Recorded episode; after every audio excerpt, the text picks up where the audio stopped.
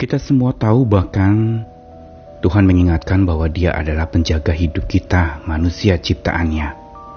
Kalau dia sudah ciptakan, dia pasti akan jaga kita, bahkan gambaran seperti gembala menjaga domba, atau seperti seorang ayah menjaga anak-anaknya.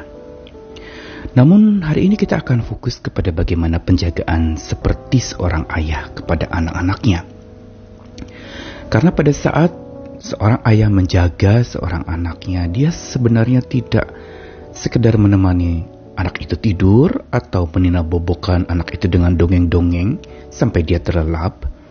Tetapi penjagaan dari seorang ayah kepada anaknya adalah sebuah penjagaan yang membuat anak itu bertumbuh menjadi makin kuat, makin tangguh, bisa mandiri, tetap hidup dekat dengan sang ayah, tetapi dia juga bisa lalu kemudian bergerak dan maju menjadi pribadi-pribadi yang tangguh, kuat, kokoh, dan menghadapi segala tantangan dengan kemauan yang keras dan bertekad baja sampai tidak pernah dia berhenti berusaha, tidak menyerah kalah. Tapi banyak kali memang kita menganggap bahwa penjagaan Tuhan itu adalah justru membuat kita menjadi manja membuat kita jadi akhirnya ah sudah ada Tuhan yang menjaga, saya diam saja.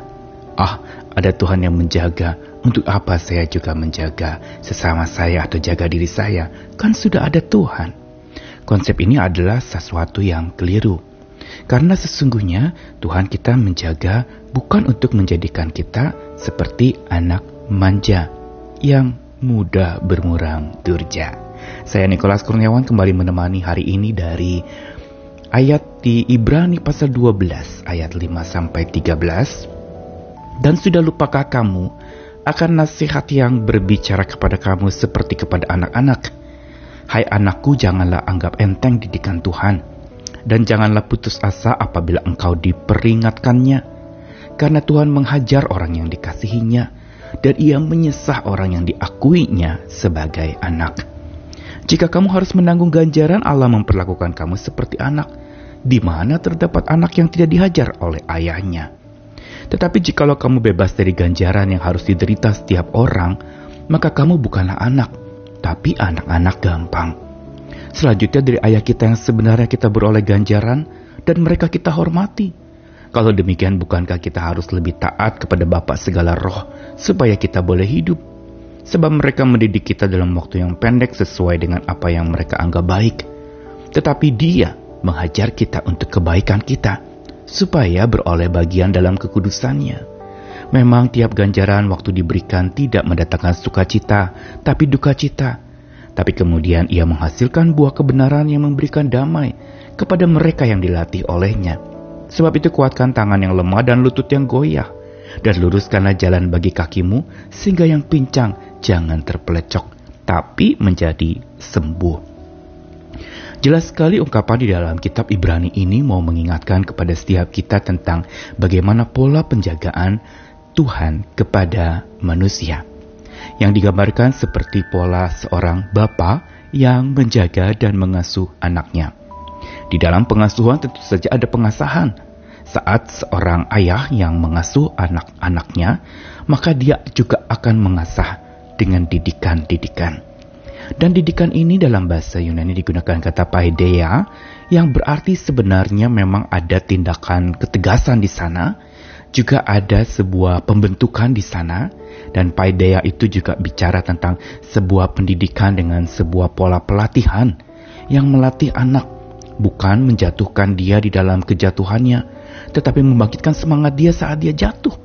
Bahkan saat dia tertatih-tatih waktu dilatih, kita mendampinginya agar makin terlatih, tidak menyerah kalah. Sehingga dikatakan tadi, jangan putus asa bila Tuhan memperingatkan kita. Dan bahkan dikatakan Tuhan menghajar orang yang dikasihnya. Ingat, Tuhan bukan saja mengajarkan kita dengan teori, tapi dia juga bisa menghajar kita dengan caranya yang ajaib. Dia bahkan dikatakan dengan lebih tegas lagi, menyesah orang yang diakuinya sebagai anak. Dan lebih lanjut seperti ayat yang tadi kita renungkan, dari ayah kita sebenarnya kita beroleh ganjaran dan mereka kita hormati. Justru kekuatan seorang ayah bukan sekedar dia menina bobokan dan membuat anak-anaknya menjadi manja kepadanya, tetapi Seorang ayah justru juga mendidik dengan ganjaran-ganjaran dan justru itu yang membuat mereka dihormati. Dan karena itu memang ganjaran itu susah pada saat kita alami memberikan duka cita. Tetapi itu hanya sementara karena buahnya adalah sesuatu yang menyenangkan hati Tuhan. Karena itu, kalau kita mau disebut sebagai anak-anak yang kuat, bukan anak-anak yang gampangan, atau dikatakan tadi kalau kita bebas dari ganjaran yang harus diderita, kita itu anak-anak gampang yang manja, anak-anak gampang yang sebenarnya bukan anak sah dari Tuhan kita.